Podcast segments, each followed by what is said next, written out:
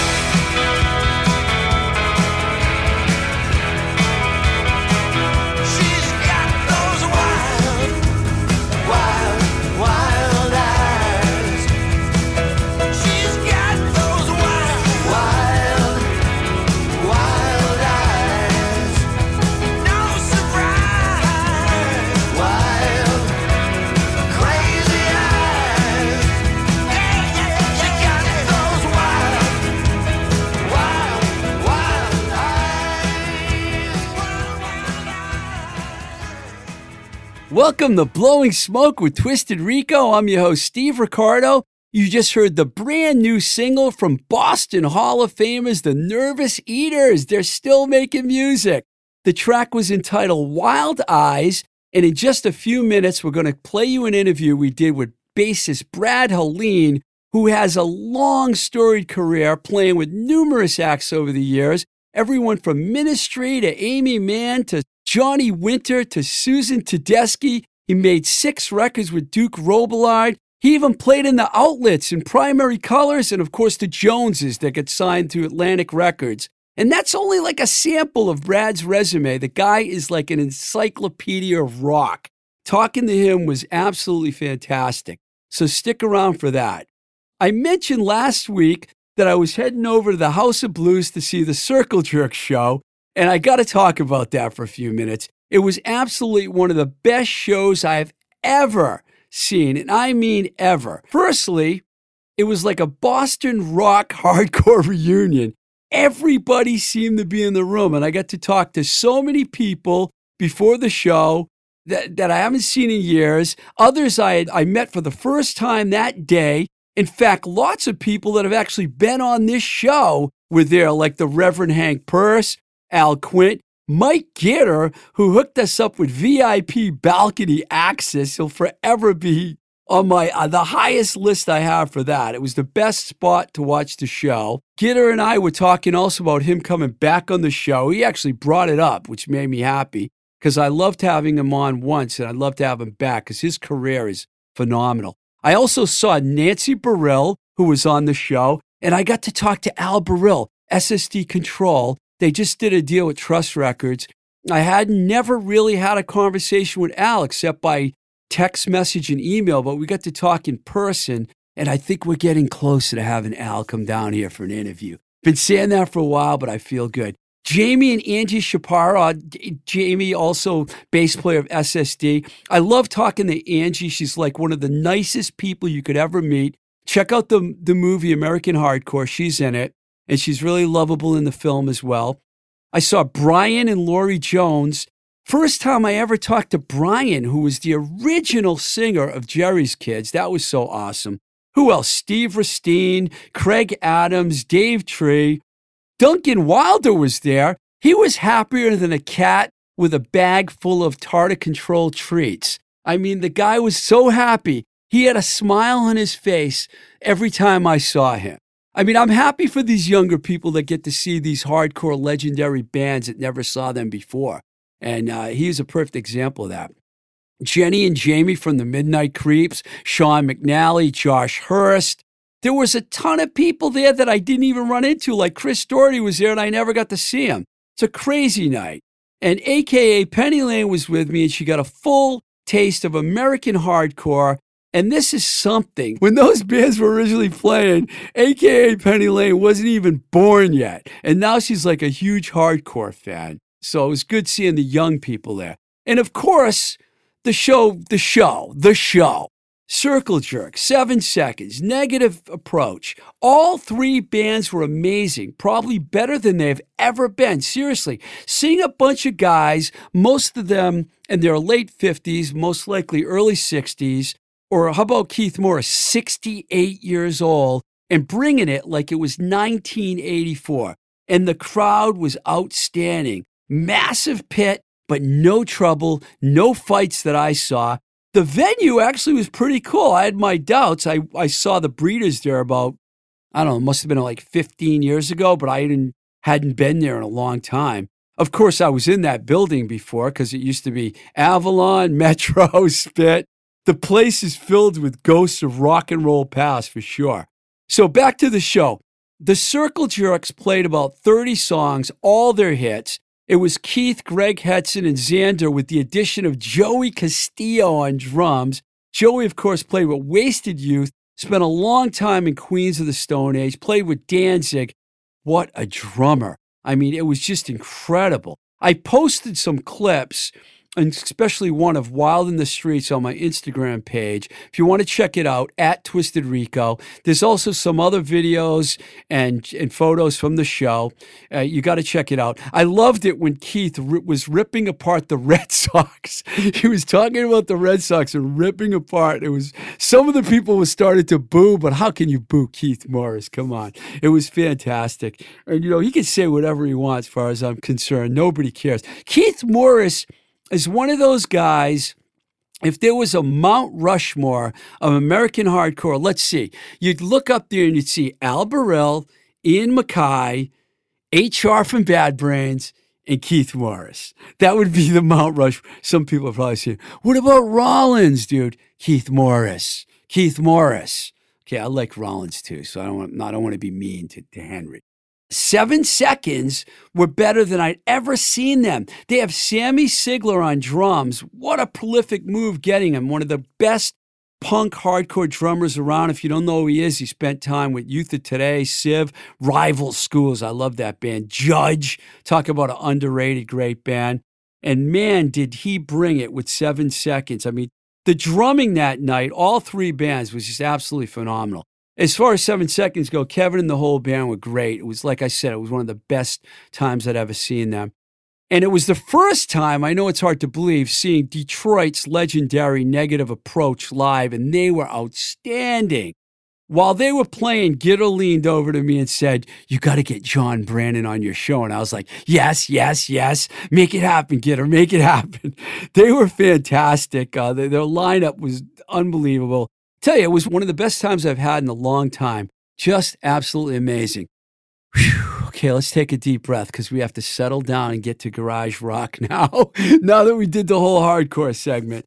All right, so we're going to uh, play you our interview that I did with Brad Hallen, who has a long, storied history. He's going to tell us all about it. Now he's the bass player and the Nervous Eaters, and here is Brad and I talking. All right, so before we talk about your like amazing career, which led up to you joining the Nervous Eaters, Brad. Uh, can you tell our audience like where you grew up and how you ended up becoming a career musician? Because you must have had something happen in your youth and and all that to lead you in this direction. Absolutely.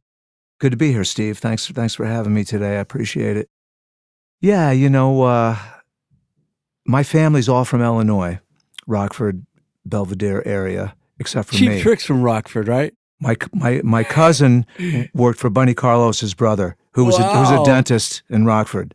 So yeah, my mom, you know, my mother, you know, she she was she's a musician. She's the musician in the family that, you know, at a very young age, probably 5 or 6 years old, we were in church and she said, "Okay, I'm singing this note, you're singing this note a third above me." And she taught me how to sing a harmony. And she was the one who first got my ear going. She played piano and and she loved the American Songbook. I mean, she loves all you know the Johnny Mercer, Irving Berlin, Gershwin's, or Harold Arlen, all that stuff. That's you know that was her thing. You know, um, so yeah, I, I was born outside Seattle actually when my father was still in the Navy, and then we moved back to Illinois, and uh, he went back and got his his master's degree and everything, and became a very successful. Ended up being the VP for General Telephone, which was a company you know back in the Midwest. GT. Like those phones on the wall. Yeah. Oh, yeah. We we actually had one. so uh, anyway, you know, as far as my career goes, so that that thing with my mother, the first record I ever made was on Decca Records, and it was with our church. Uh, we had this choir director, Irv Martin, and he was world renowned for being a choir director. And we had about nine different choirs. They were all the different age groups in our church, and we did an album for Decca Records, and I still have it. Came out in I think it was 64, maybe, something like that, which was a, a banner year for me and probably for you too. Because February 9th, 1964 is where it all began.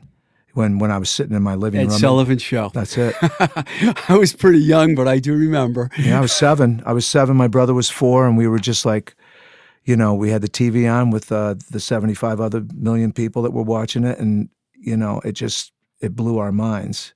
And I, I remember my mom and dad both going, "Oh, jeez," you know, because, and uh, and from there on, I, I you, were you playing an instrument at that point? that, uh, you know, maybe like the tonette or something, like the plastic recorder that everybody got in, you know, first grade or something, you know, and you learn how to play Twinkle Twinkle Little Star and Away in a Manger or whatever other simple melodies, you know, which, but that was, that's all part of, you know, coming up too, learning those melodies. Was it like a guitar first for you, or did you just get right into the bass? Uh, it was actually bass first, yeah. I started, Really? I, but I played acoustic bass in an orchestra fourth through eighth grade. And I also played drums. You are a, a lifelong musician. I wasn't joking when I said that. Yeah. You really are. it's you know I, I've been doing a few of these since the Cedars record came out. I've been doing a lot of interviews, and it's really dawned on me how much that incident with the Beatles, seeing them on Ed Sullivan. I mean, it was life changing for the world, but for musicians, for us, it, it really it's it's become so clear to me that I knew exactly what I wanted to do when I saw that. It- you know, in hindsight, I, I never really thought about it much until just recently. Hmm. I was going to fast forward all the way to uh, the Joneses who were signed to Atlantic Records, but why don't you tell us what went on before you actually got signed to Atlantic Records? Like, there's a lot of space in between. Oh yeah, there. yeah. So I graduated high school at Andrew Warde High School, and we we moved a lot. And that was in Rockford. no, that was in Connecticut. We ended we ended up in Connecticut. Okay. um, because my dad got transferred a lot, which was you know fairly traumatic for us kids. You know, saying hello and goodbye to like kids when you're you know growing up. But anyway, so sophomore year in high school, moved to Connecticut, and um, there was some really interesting. There was a lot of really good musicians that were living in that area, including David Hull, who is a Love really David. really good friend of mine. And I saw him with Buddy Miles, him and Charlie Karp at Staples High School. I also saw the Frampton Comes Alive tour at that high school because Frampton wasn't really that big then, even though he was in Humble Pie and everything. You know, he, but there was a lot of great music happening in that area. And I, later, I ended up. I, I mean, I'm very good friends with David now, and. Uh, so anyway, uh, that was pretty cool, and you know I was playing and had a high school band, you know that I was in in Andrew Warde, and I graduated in in '75. And shortly before I graduated, there was an agency in Bridgeport, Connecticut. I went down there, uh, called Complex Four, because I knew that they had bands. I mean, every at that time, every hotel had a lounge, and every lounge had a band, and every band played five sets a night, and that's what you did. There was no internet. There was nothing that destroyed music at that time. It was all about people's imaginations, listening to music, no videos, you know, none of that stuff. So I went down there, and uh, I walk in. And this guy was like a typical, stereotypical booking agent dude, glasses down on his nose, smoking a cigar. He looked up at me and he goes, "What can I do for you, kid?" Dick Grass was his name. Dick Grass. So I said, okay, uh, I'm looking for a gig. And he goes, You're looking for a gig? He goes, Well, you any good? And I go, well, I'm pretty good. He said, All right, give me your phone number. So I gave my phone number. I went home. About two hours later, I get a call from this guy, DJ. He goes, Hey, I got your number from Dick Grass. I live outside Hartford. Uh, I heard you play bass. You're looking for a job? And I was like, Yeah, I am. I goes, I'm graduating high school in a couple weeks and I'm, I'm looking for a gig. And he goes, Well, you any good? And I said, I love it when they ask you that, you know? And so I, I said, Yeah, yeah, I'm okay. He goes, Well, play me something. I said, What do you mean, right now over the phone? And he said, I said, uh, he goes, yeah. And I said, all right. So I got my bass and I played him the lick to keep playing that rock and roll by Edgar Winter. Boo boo ba boo da ba doo boo doo bop. That's all I played for him. And he goes, you got the job. And Wow. and two weeks later, he picked me up at the Hi Ho Motel and on the Merritt Parkway, and and I I worked with that agency for two years, um, in three different top forty bands. And you know, for me, for an eighteen year old kid, I was working with all 30 year old guys and gals, and we played Earth, Wind, and Fire, Rufus, Average White Band, all the disco stuff, Stevie Wonder. It was a real education. And, uh, you know, I mean, the night that I started with those guys, I didn't know their repertoire. And I got thrown into it the first night. You know, we rehearsed 40 songs the first, during the day, and that was it. So after that thing ran its course, I was I, I got out of it because I was like, I can't do this anymore. I gotta I gotta join a band that plays original music. you Right. know? So my parents were living in Kentucky now, so I went down there for the summer. Saw the Some Girls tour, Rupp Arena. That was cool. Saw Boston touring their first record. The Rupp Arena. Yeah, you know that place? I, I've never been there, but I've heard of It's it. a I know legendary place. Yeah. Yeah. we saw the Some Girls tour there, my brother and I. And anyway, so I was like, okay, it's going to be New York, New York or Boston. I knew one person in Boston. I didn't know anybody in New York, so Boston got the short straw. That's where I came. I moved here. Within probably two days of moving here, I answered an ad in the Phoenix. There was a band looking for a bass player. They were called Pastiche. Pastiche. So this was late se- 1978. 78. 78 and there was a kid i was living on beacon hill with my the singer was in my high school band that was the one person i knew and across the hallway were these two music enthusiasts and they had the boom boom band's two records on mca and i was like who the hell is that guitar player man which you know i knew later on that billy and i'd be doing a lot of work Billy together Loosigian. yeah, Yeah. exactly so anyway, so I, I went down to Jack Griffin's record garage down in Fresh Pond, which is no longer there, but it was a huge place where everybody rehearsed. And you know, I auditioned, I got the gig, and and I, I stayed with Pastiche for. Well, we you know we won the last year the the whole Rock and Roll Rumble BCN Rumble was at the Rat everything the finals everything we did that the last year that it was there 1980 and we won it that year, and uh, you know and then it was time to you know make a move. I always kind of know in my gut like when I need to go, like I feel like I've exhausted my resources here. Yeah. I love these guys, but I as an artist I feel like I need to keep going. So, you know, there was a couple of the local bands I played with, Primary Colors. I think I mes- mentioned to you earlier, you know. Was wait, was Ray was Ray the drummer? he at was. That time? Yeah, Ray Fernandez. So you and Ray for the rhythm section. Yeah. Wow, I know Ray very and, well. and Ronnie Marinette from Pastiche was playing keys, Wow. and, and Ian, who replaced Peter Dayton in La Peste, was the guitar player and songwriter. an all-star band. Yeah, it was it was a fun little group, you know. And uh, but I didn't stay long. And the bass player that came after me was, I believe, was John Harcourt from the neighborhood. Yes. So um, anyway, so that, and then uh, you know, I, I worked with a couple other groups. I think Adventure Set was the next band that I played with for a while, and it was Mark Pothier and Steve McGuire, and a drummer, and Ken, Ken, right? Ken Scales. Yeah. He came in later. Initially, it was just Mark singing. They were the graphics, and then we it became Adventure Set, and and we were playing one night at Spit, and I was dating Mark's sister, Jamie, and I look across the room, and I saw these two guys hitting on her, and I was getting pissed off, you know, because we were playing. There's nothing I could do about it. so, on the break, I went up and I was go. I said, "Hey, how's it going, fellas?" My girlfriend. And they're, and they're like, oh, it was Vince Ely from the Psychedelic Furs and Ian Taylor, Roy Thomas Baker's engineer. And they were like, oh, oh, oh, hey, yeah, man, hey, yeah, cute girlfriend and uh, pretty good bass playing, man. As a matter of fact, we're doing a record over at Synchro Sound, the car studio, and we are just wondering if you might be interested in coming down and laying down a couple tracks. And that band was Ministry. And so I went down and, and I ended up Wow, I didn't realize it was that early on. So that was before they became a metal band. This was like Oh yeah, this still is the, this is with yeah. sympathy. The with sympathy Wax record. Tracks Records. No, right? this is Arista. The Oh, that was the, the band Arista? was signed to Arista. Yeah, but but I became very good friends with Jim and Danny, who owned Wax Trax. Great guys in Chicago. What a record store that place was. But anyway, so cut to the chase. I I, I went down and recorded with them, and uh, and then they he Al asked me to join the band, and I did. And Al Jourgensen. yeah, Yeah. moved to Chicago, and um, and that led to a lot of great things for me because I was hanging around Synchro a lot, so I got to be really good friends with Rick and Elliot and Ben and David Robinson and, and Greg and all those guys. And uh, Rick hired me for a lot of sessions. Iggy Pop got to record with Iggy Pop that a session Rick produced.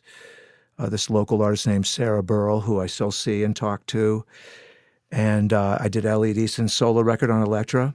You, You know, beat me to that one. I was going to get to that. yeah. So that that all happened kind of around that same time. So you did all that before the Joneses. Yes. Oh, I didn't realize that. And there's wow. a, there's a lot more before the Joneses actually, because after ministry, after I, I left ministry, I did you know this the Arista record and one record on Sire Twitch, and then all the 12 inch singles that were in between, because that was a big thing back then. yeah. You know, dance dance. We- remember. we, were big in the dance clubs because ministry at that time was kind of like Human League, Heaven 17, Cabaret Voltaire meets Chic. You know, it was like yeah. Like you know, It was danceable, very Yeah. danceable. Al wrote great. I mean, he wrote great songs back then. I mean, just just killer. I, I didn't get to see Ministry till 1992 when they were on the second Lollapalooza tour, and it was the loudest thing I ever heard. It was like a bl- four guitar, like Yeah, I remember my face was like moving because I it was so loud. So I didn't. I remember their dance era, but I never saw the band during that time. We did we did a lot of cool stuff. I mean, besides headlining our own venues, we we were on the Synchronicity tour with the Police, Color by Numbers tour with Culture Club. I mean, we did like some very fun, cool gigs. Madness when our house was a big hit for them. We did a lot of gigs with them. So you were with Ministry for for a little while. Three years, maybe? Wow. yeah, maybe three years, something like that. It's fantastic. Um, the Joneses were more like was. Do you feel like they were more like your band? Like you were more part of the calling the shots? Well, I'll, I'll tell you what happened. So after ministry, I, I came back to Boston. I always kept a place here anyway, so because my girlfriend was living in town. Uh, I came back, and that's when I started playing with the outlets. Uh, did gigs with the outlets. I was in a group called the Buddy System with Ron Baldwin and Buddy Judge, and you know we we had a nice little run. And um, I didn't remember that the outlets were before nine. I knew. I mean, I worked with them in 85, 86, and I knew you joined the band. But that, That was that was right around that time. Yeah, Right yeah. around that time. you know? after the Enigma record came out. that Right. Mike County left. You Yep. came in after Mike. That's right. right. That's right. Yep. So uh, that happened, and then uh, and then I heard. This is now maybe 86, 87. I heard that the bass chair in the Eaters had opened up because Billy was. I was friends with Billy. You know, i we hadn't really worked together yet, but we were. We'd become friends, and he called me and said, "Hey, Steve's looking for a bass player." So I called him up. And he goes, Yeah, yeah, I'm looking for a bass player. He goes, But before you audition for the Eaters, you have to play in my blues band. I want to see how you play blues. Steve's a deep guy, man, very deep. So you had played in the Nervous Eaters a long time ago. Two, it's how Billy and I left the Eaters to start the Joneses, but we, but Oh, we, okay. we were, yeah, I was in the Eaters for almost two years, probably in the '80s. And uh, Did they put a record out during that time? No, you just gigging? but we did. We were just gigging, but we did do some recording. We recorded at- Mission Control with Tom Moore, who's unfortunately no longer with us. He used to be part of the Synchro Sound crew. Oh yeah. Worked with Prince. Yeah, he worked with Prince too.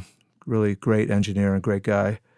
Um, yeah, so So you and Billy started the Joneses together? we did, we did, and you know before, because during the Eaters, he still had that band, the Jackals, with, with Finn, who was the singer in the Joneses, and Brandy Pritchard, who was the bass player that I replaced in the Nervous Eaters. He was in the Eaters too, so I, I came after Brandy, and um, yeah, so you know, but the whole thing with Steve is he gave me a cassette tape of all this chess stuff, like Sonny Boy Williamson, you know, Your Funeral, My Trial, No More Frogs for Snakes, Memphis Slim, Mother Earth, a bunch of Howlin' Wolf stuff, and that was, you know, I was always into blues because I like British. I like the British rock stuff Right. a lot, you know, the early Beck records and Zeppelin, and you know, all, all those groups were very influenced by by the American sound. yeah. Yeah. all of it, Stones.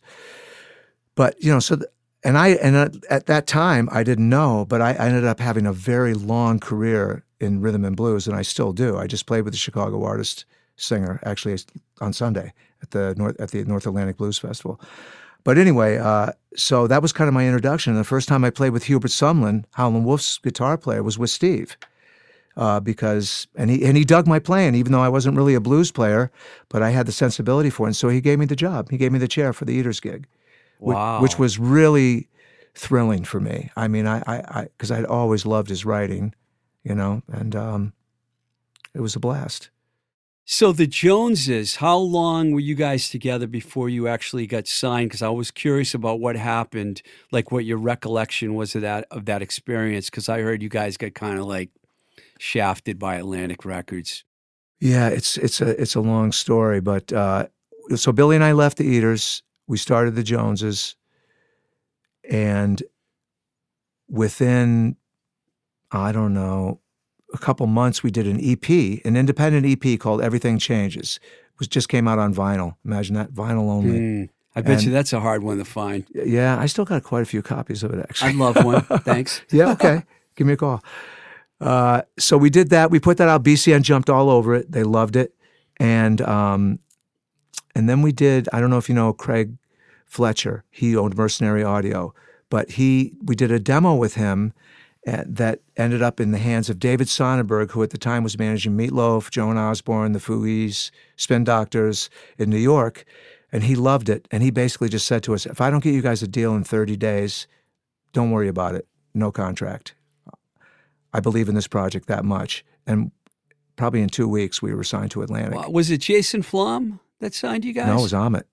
Ooh. Ahmet signed us directly. Wow. And he loved us because it reminded him, because Loosigian is such a Kossoff, Great Jeff Beck. player. I mean, and he, Yeah. he, he embodies all of those things that were on Atco. And, you know, so Ahmet, and then, then the other thing is, is that, you know, Billy's Armenian, Ahmet's Turkish. So that was, there was that whole Turkish guilt Connection. thing because Yeah. of the like genocide thing that almost happened in the 30s. You remember what happened there? So he used to call Billy at home and talk to him. It was like he was like his son.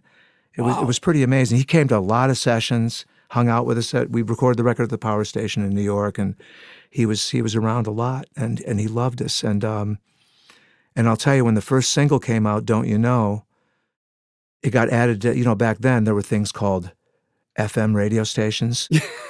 And Yeah, they were they were I P- remember. like P like P1 stations that actually so we got 60 ads to P1 stations like BCN and KFOG and stations like that. The first week that single came out, it was on fire. And and we went on the road with the Georgia Satellites and you know, we're touring and stuff. And then um, Ahmet's brother passed away. Who was the I, I can't remember how you pronounce his name, Narishi or something like that, but he was he was the guy that signed, you know, Mingus and Train and and and Solomon Burke and all all you know, Ruth Brown and all the R and B acts and you know and Ahmet went home to go into mourning for a very extended period of time and so he put this guy named Doug Morris in charge of us He became the president of uh, Atlantic. Yeah. and so Doug Morris hated David Sonnenberg they had like actually I from what I understand they had an outstanding lawsuit or something for some previous thing so he basically just said okay pu- put the off button on the Joneses and people were like yeah but they're they're screaming up the charts right now I don't care start working on Mr. Big or whatever else they were pushing at the time Mr. Big. and that you know that was Sheehan's band you know with Paul oh, Gilbert Oh, yeah, yeah. guys I know right? the band. yeah so so they that was it they they Wow. they half-heartedly put out two more singles and and then they dropped you. and that was it. Well, they didn't they didn't really drop us, but they just didn't didn't get behind it anymore. You know, and that was, that, was that was the end. I yeah, I had a feeling that it wasn't going to be a good ending, but, but you know, you you got to experience you know a pretty high level at a young age. By that point, I was going through all of the things that you, all the different artists you played with and toured with, and we can't talk about every one of them, but there were a few that I wanted to just ask you about. I know you did some stuff with Johnny Winter. I did. What was that like? Well, I mean, my brother and I, we were just Edgar and Johnny fanatics. I mean, Road Work, the Edgar Winter live album, the second Edgar Winter record with Keep Playing That Rock and Roll on it and Dying to Live and stuff, and and all the Johnny Winter stuff from Progressive Blues Experiment to the first couple Columbia records, Johnny Winter, Second Winter, and then when when he got the McCoys involved, Johnny Winter and and the live record, and even Saints and Sinners and Still Alive and Well, those records. I mean, because I was a huge Randy Jo Hobbs fan too, the bass player. We were just, I saw tho- those guys so many times at New Haven Coliseum as a kid coming up. So, yeah, at the time, I was working in Sue Tedeschi's band for a couple years. She was on my list too. yeah, and, and Tom Hambridge was the drummer, and uh, you know also was on his way to becoming a really big producer, and he'd produced the record "Just Won't Burn" that we were promoting and touring, and he he solicited some songs to Johnny, and I was on a couple of them, and they made the record. You know, so I didn't get, actually get to play with Johnny in the studio, but just being on, I'm on that record. I'm a blues man. That's on Virgin. Right. So that was because of Susan Tedeschi they found you? Uh, no, no. Tom was, you know, just soliciting his songs, and he's he's very good at. Tom is very good at shaking babies and kissing Right. hands. he's really good at it. He's a great guy, you know. So he he was just he was just selling some tunes, and I think he was probably talking to Johnny's management, and and uh, the the two songs that I played on were Lone Wolf and Cheatin' Blues, and and he played and Johnny's manager played them for Johnny, and Johnny loved them, so he basically just added his guitar and vocals to them, and they made the record. That's fantastic. You also worked with Aimee Mann. I did.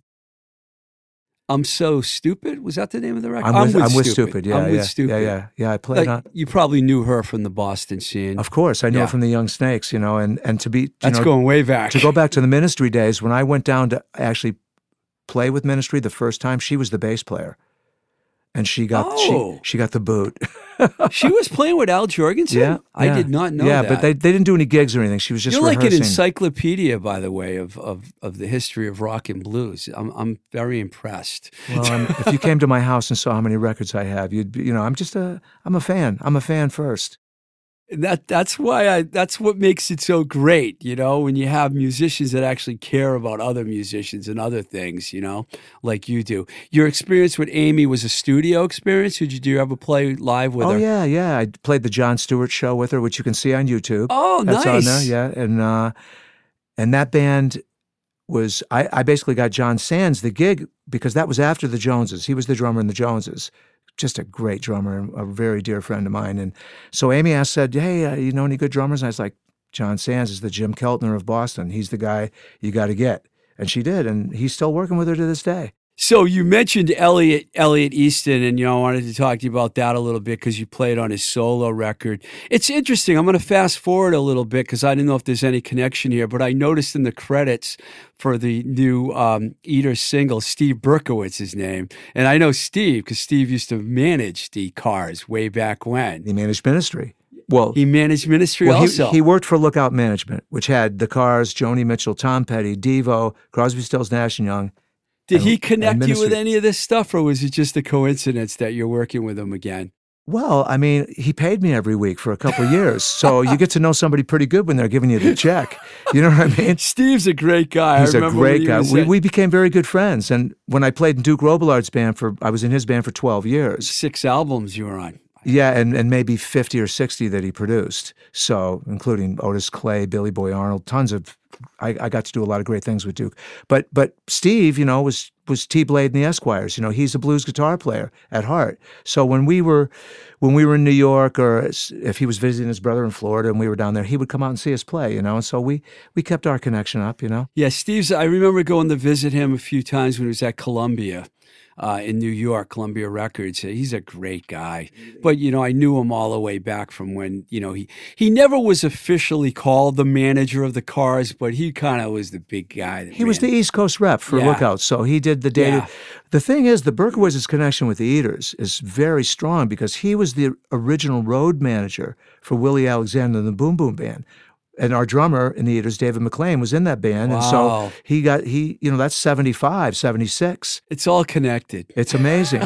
and, and he also, Steve, produced a video for the Souls, which was Adam Sherman's band, who's the other guitar player in the Eaters. Right. And, you know, I knew him from You ministry. guys all knew each other. yeah, yeah, it's, it's, you know, Okay, Crazy. one more. I got one more, and then we'll talk about the Eaters. sure. I couldn't believe when I saw this. You played with Dick Wagner. I did. Alice Cooper, one of the great guitar players in rock and roll history. The Frost. Yeah, what was that experience like hanging out with Dick Wagner? It was unbelievable. It started He by passed away a couple years after you worked with him. He did, yeah. So I after the Joneses split, I joined this band called Beg Borrow and Steal that was on RCA, and I moved to New York, and we went out to L.A. Then that band, this is this is how the this is why the record company, the record industry imploded because they did stuff like this. They had about seven hundred fifty thousand dollars into this group. They never released the record. We went to LA, we recorded for a long, long time. It was just like an expensive lunch for them or something. You know, we went to LA. Sir Arthur Payson produced the record, who did all the Cher records and Ratt, and David Thoener, who mixed back in, I mean, uh, for those about to rock and Freeze Frame, he mixed that record. I mean, they spent so much money on that project. But anyway, when I was out in LA, uh, the guitar tech for the Joneses had moved out there and became very good friends with Dick and his son, Robert. And so when I was out there doing this record for Beg, Borrow, and Steal, working at uh, the Music Grinder, Jeff Longwell, who was the guitar tech, said, "Hey, man, Dick's producing uh, some tracks for his son. Do you want to play bass on it?" And I was like, "Sure." So it was like a home studio type project, you know. But we hung out, and and of course, all the stories came out, you know, about you know, get your wings. I'm not going to like blow anybody's I cover think here. everyone kind of knows about that already. Yeah, yeah, yeah, it's yeah. not much of a secret. Yeah. Kiss too, right? Yeah, Kiss, Yeah. and also all the Alice Cooper stuff. Like you know, when because Michael Bruce and Glen Buxton were they were pretty messed up at that point in time, and so Dick and Steve were playing you know Yeah. most of the guitars. But anyway, so and Dick really dug the way I played, and so he ended up hiring me uh, to do a bunch of recording for him, which you can find some of that stuff on YouTube. It's it's been released on various like compilations on weird independent labels and stuff. But uh, and I want to backtrack just a little bit more back to the ministry thing because this is an important part of the thing too. So when I was in ministry, Steve O, Stephen Georgiofondas, the drummer who became a very big mix engineer in his own right, worked with R. Kelly for seven years, which, you know, we don't need to talk about that. But anyway, he did. It was a good paying gig. But he ended up mixing tracks for Stevie Wonder, the Backstreet Boys. I mean, he did a lot of really cool stuff. And now he has a production company, lives in LA. But so around 84, there was a band, two, two brothers out of Chicago, and they had a band called Tavaban. their father was Ron Steele Sr. The son was Ron, and the other son was John. But Ron Steele Sr. was a session guitar player in the 60s, played with everybody Jackson 5, Frank Sinatra. He owned the biggest jingle studio in Chicago called Streeterville. His wife's brother was Brian Christensen, who was the engineer for Bob Ezrin. He, he engineered 96 Tears by Question Mark. He engineered all the guitars on the wall by Pink Floyd, all the Alice Cooper records, all the Guess Who stuff that Ezrin did, American Woman, all that stuff. So when we went, so we did the showcase in L.A. Steve and I were working with these two brothers, and the connection was Brian because it was their uncle. We went out there and we hung out with this guy, and when we walked into his house, all these platinum and gold records that he did with Ezrin. You know, so there that there was that connection. It's just amazing how all these loose ends came to fruition Incredible. as time went on.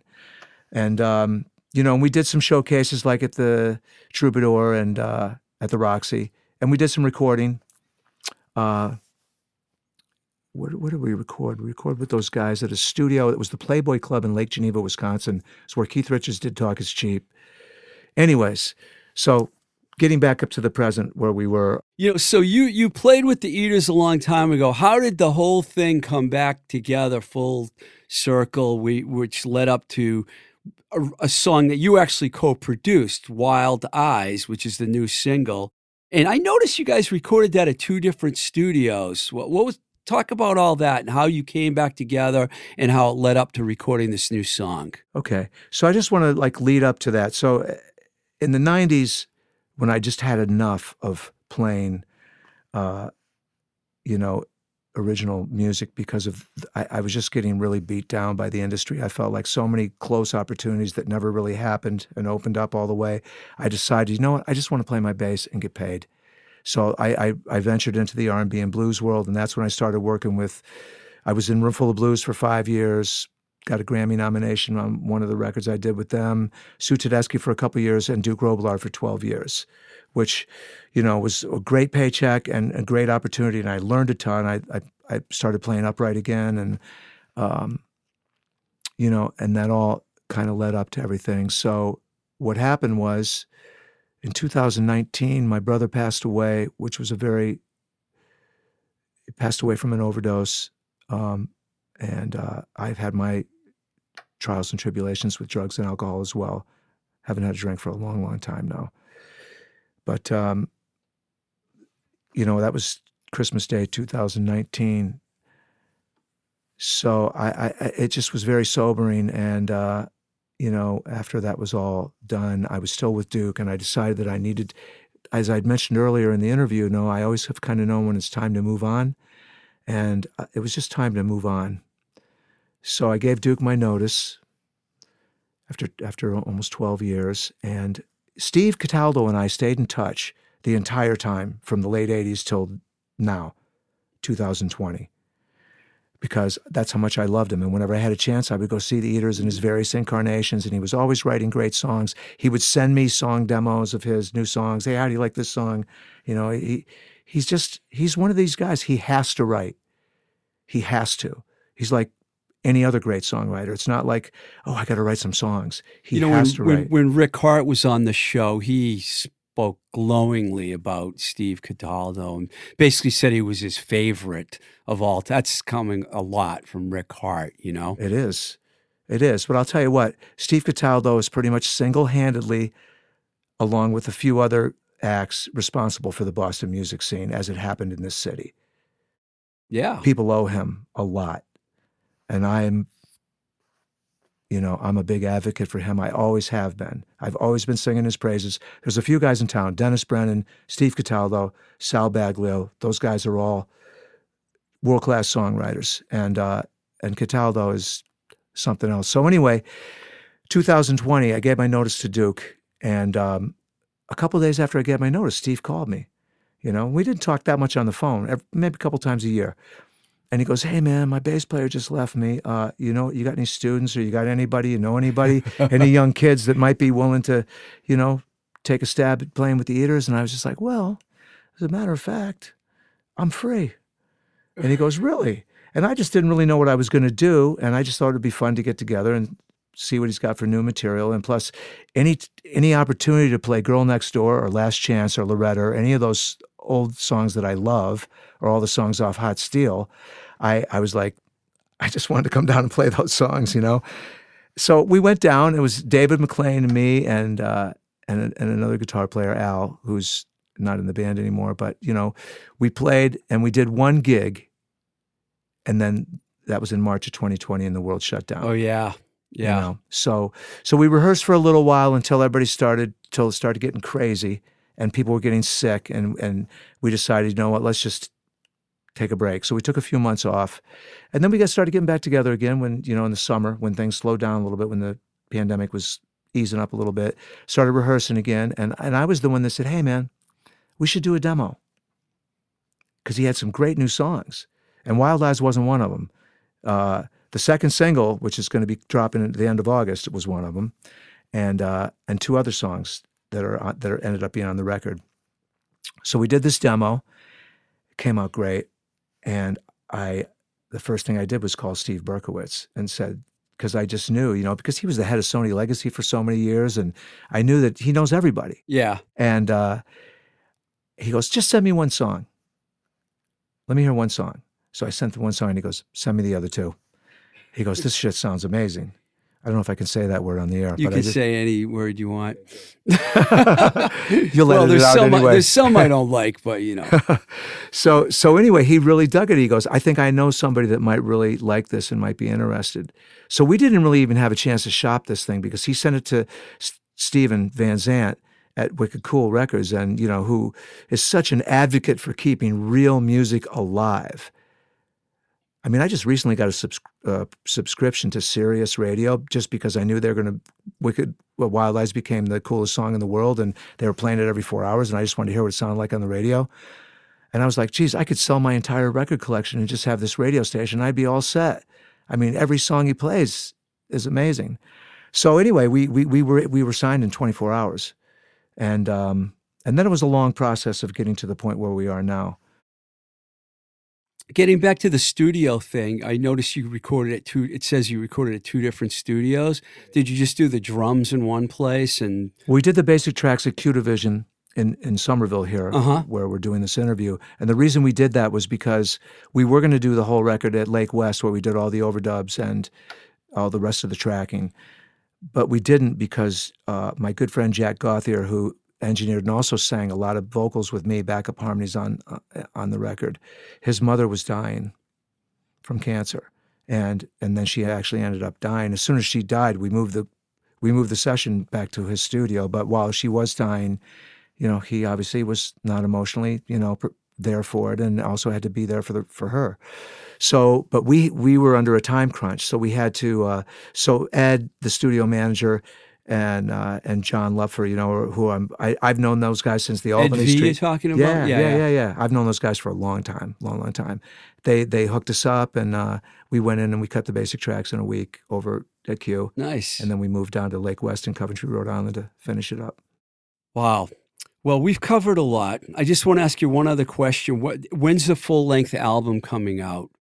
So what's happening is, so Wild Eyes has been dropped, and that they're going to drop four more singles leading up to the record. The album's dropping in November. November. Cool. Well, that's something to look forward to. You guys planning on hitting the road at all? If we can, we want to. I mean, but there's got to be a reason to do it. You know, I mean, we're not just going to get in a van and drive around and sleep on people's couches and stuff like that. You know, so I can It's, I can know, relate to that. it's uh, you know maybe maybe 50 years ago we would have done that 40 years ago, but You've done it enough times, Yeah. Brad. Well, hey man, thank you so much for taking the time to come down and talk to us, man. I really appreciate it. I appreciate it, Steve. Thank right, you good so luck much. to you, man. Thank you. All right.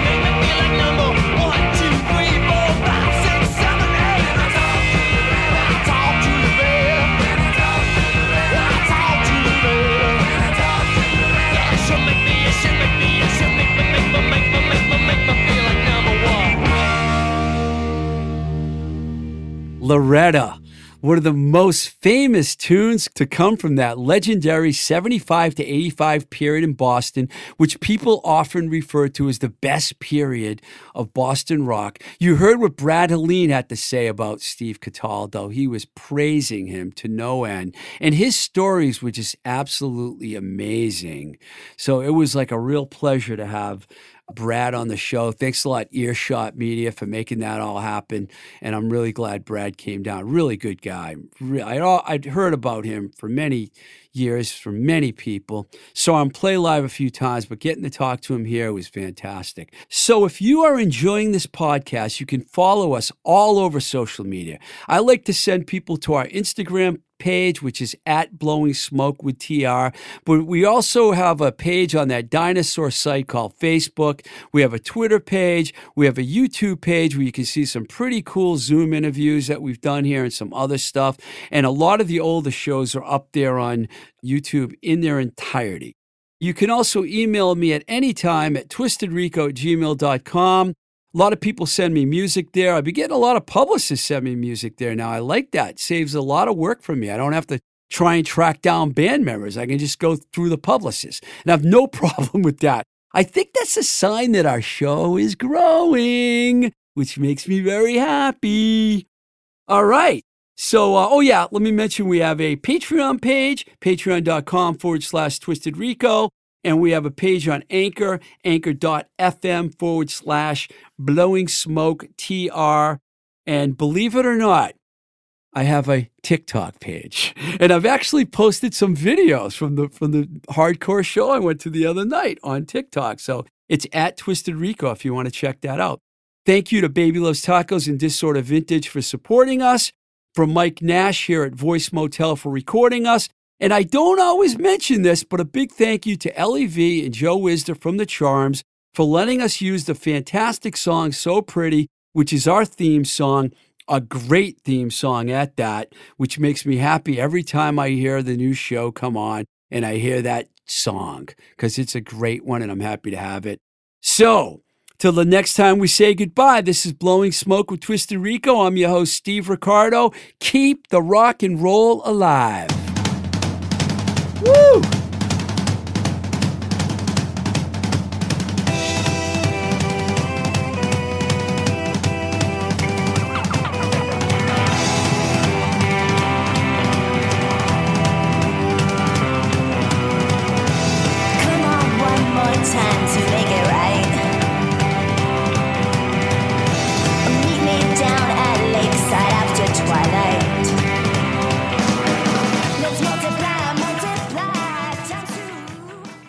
Voice is recorded at Voice Motel, voicemotel.com, your complete podcast recording experience. Located in Union Square, Somerville, Massachusetts. See, when I'm not stoned, I do a much better job.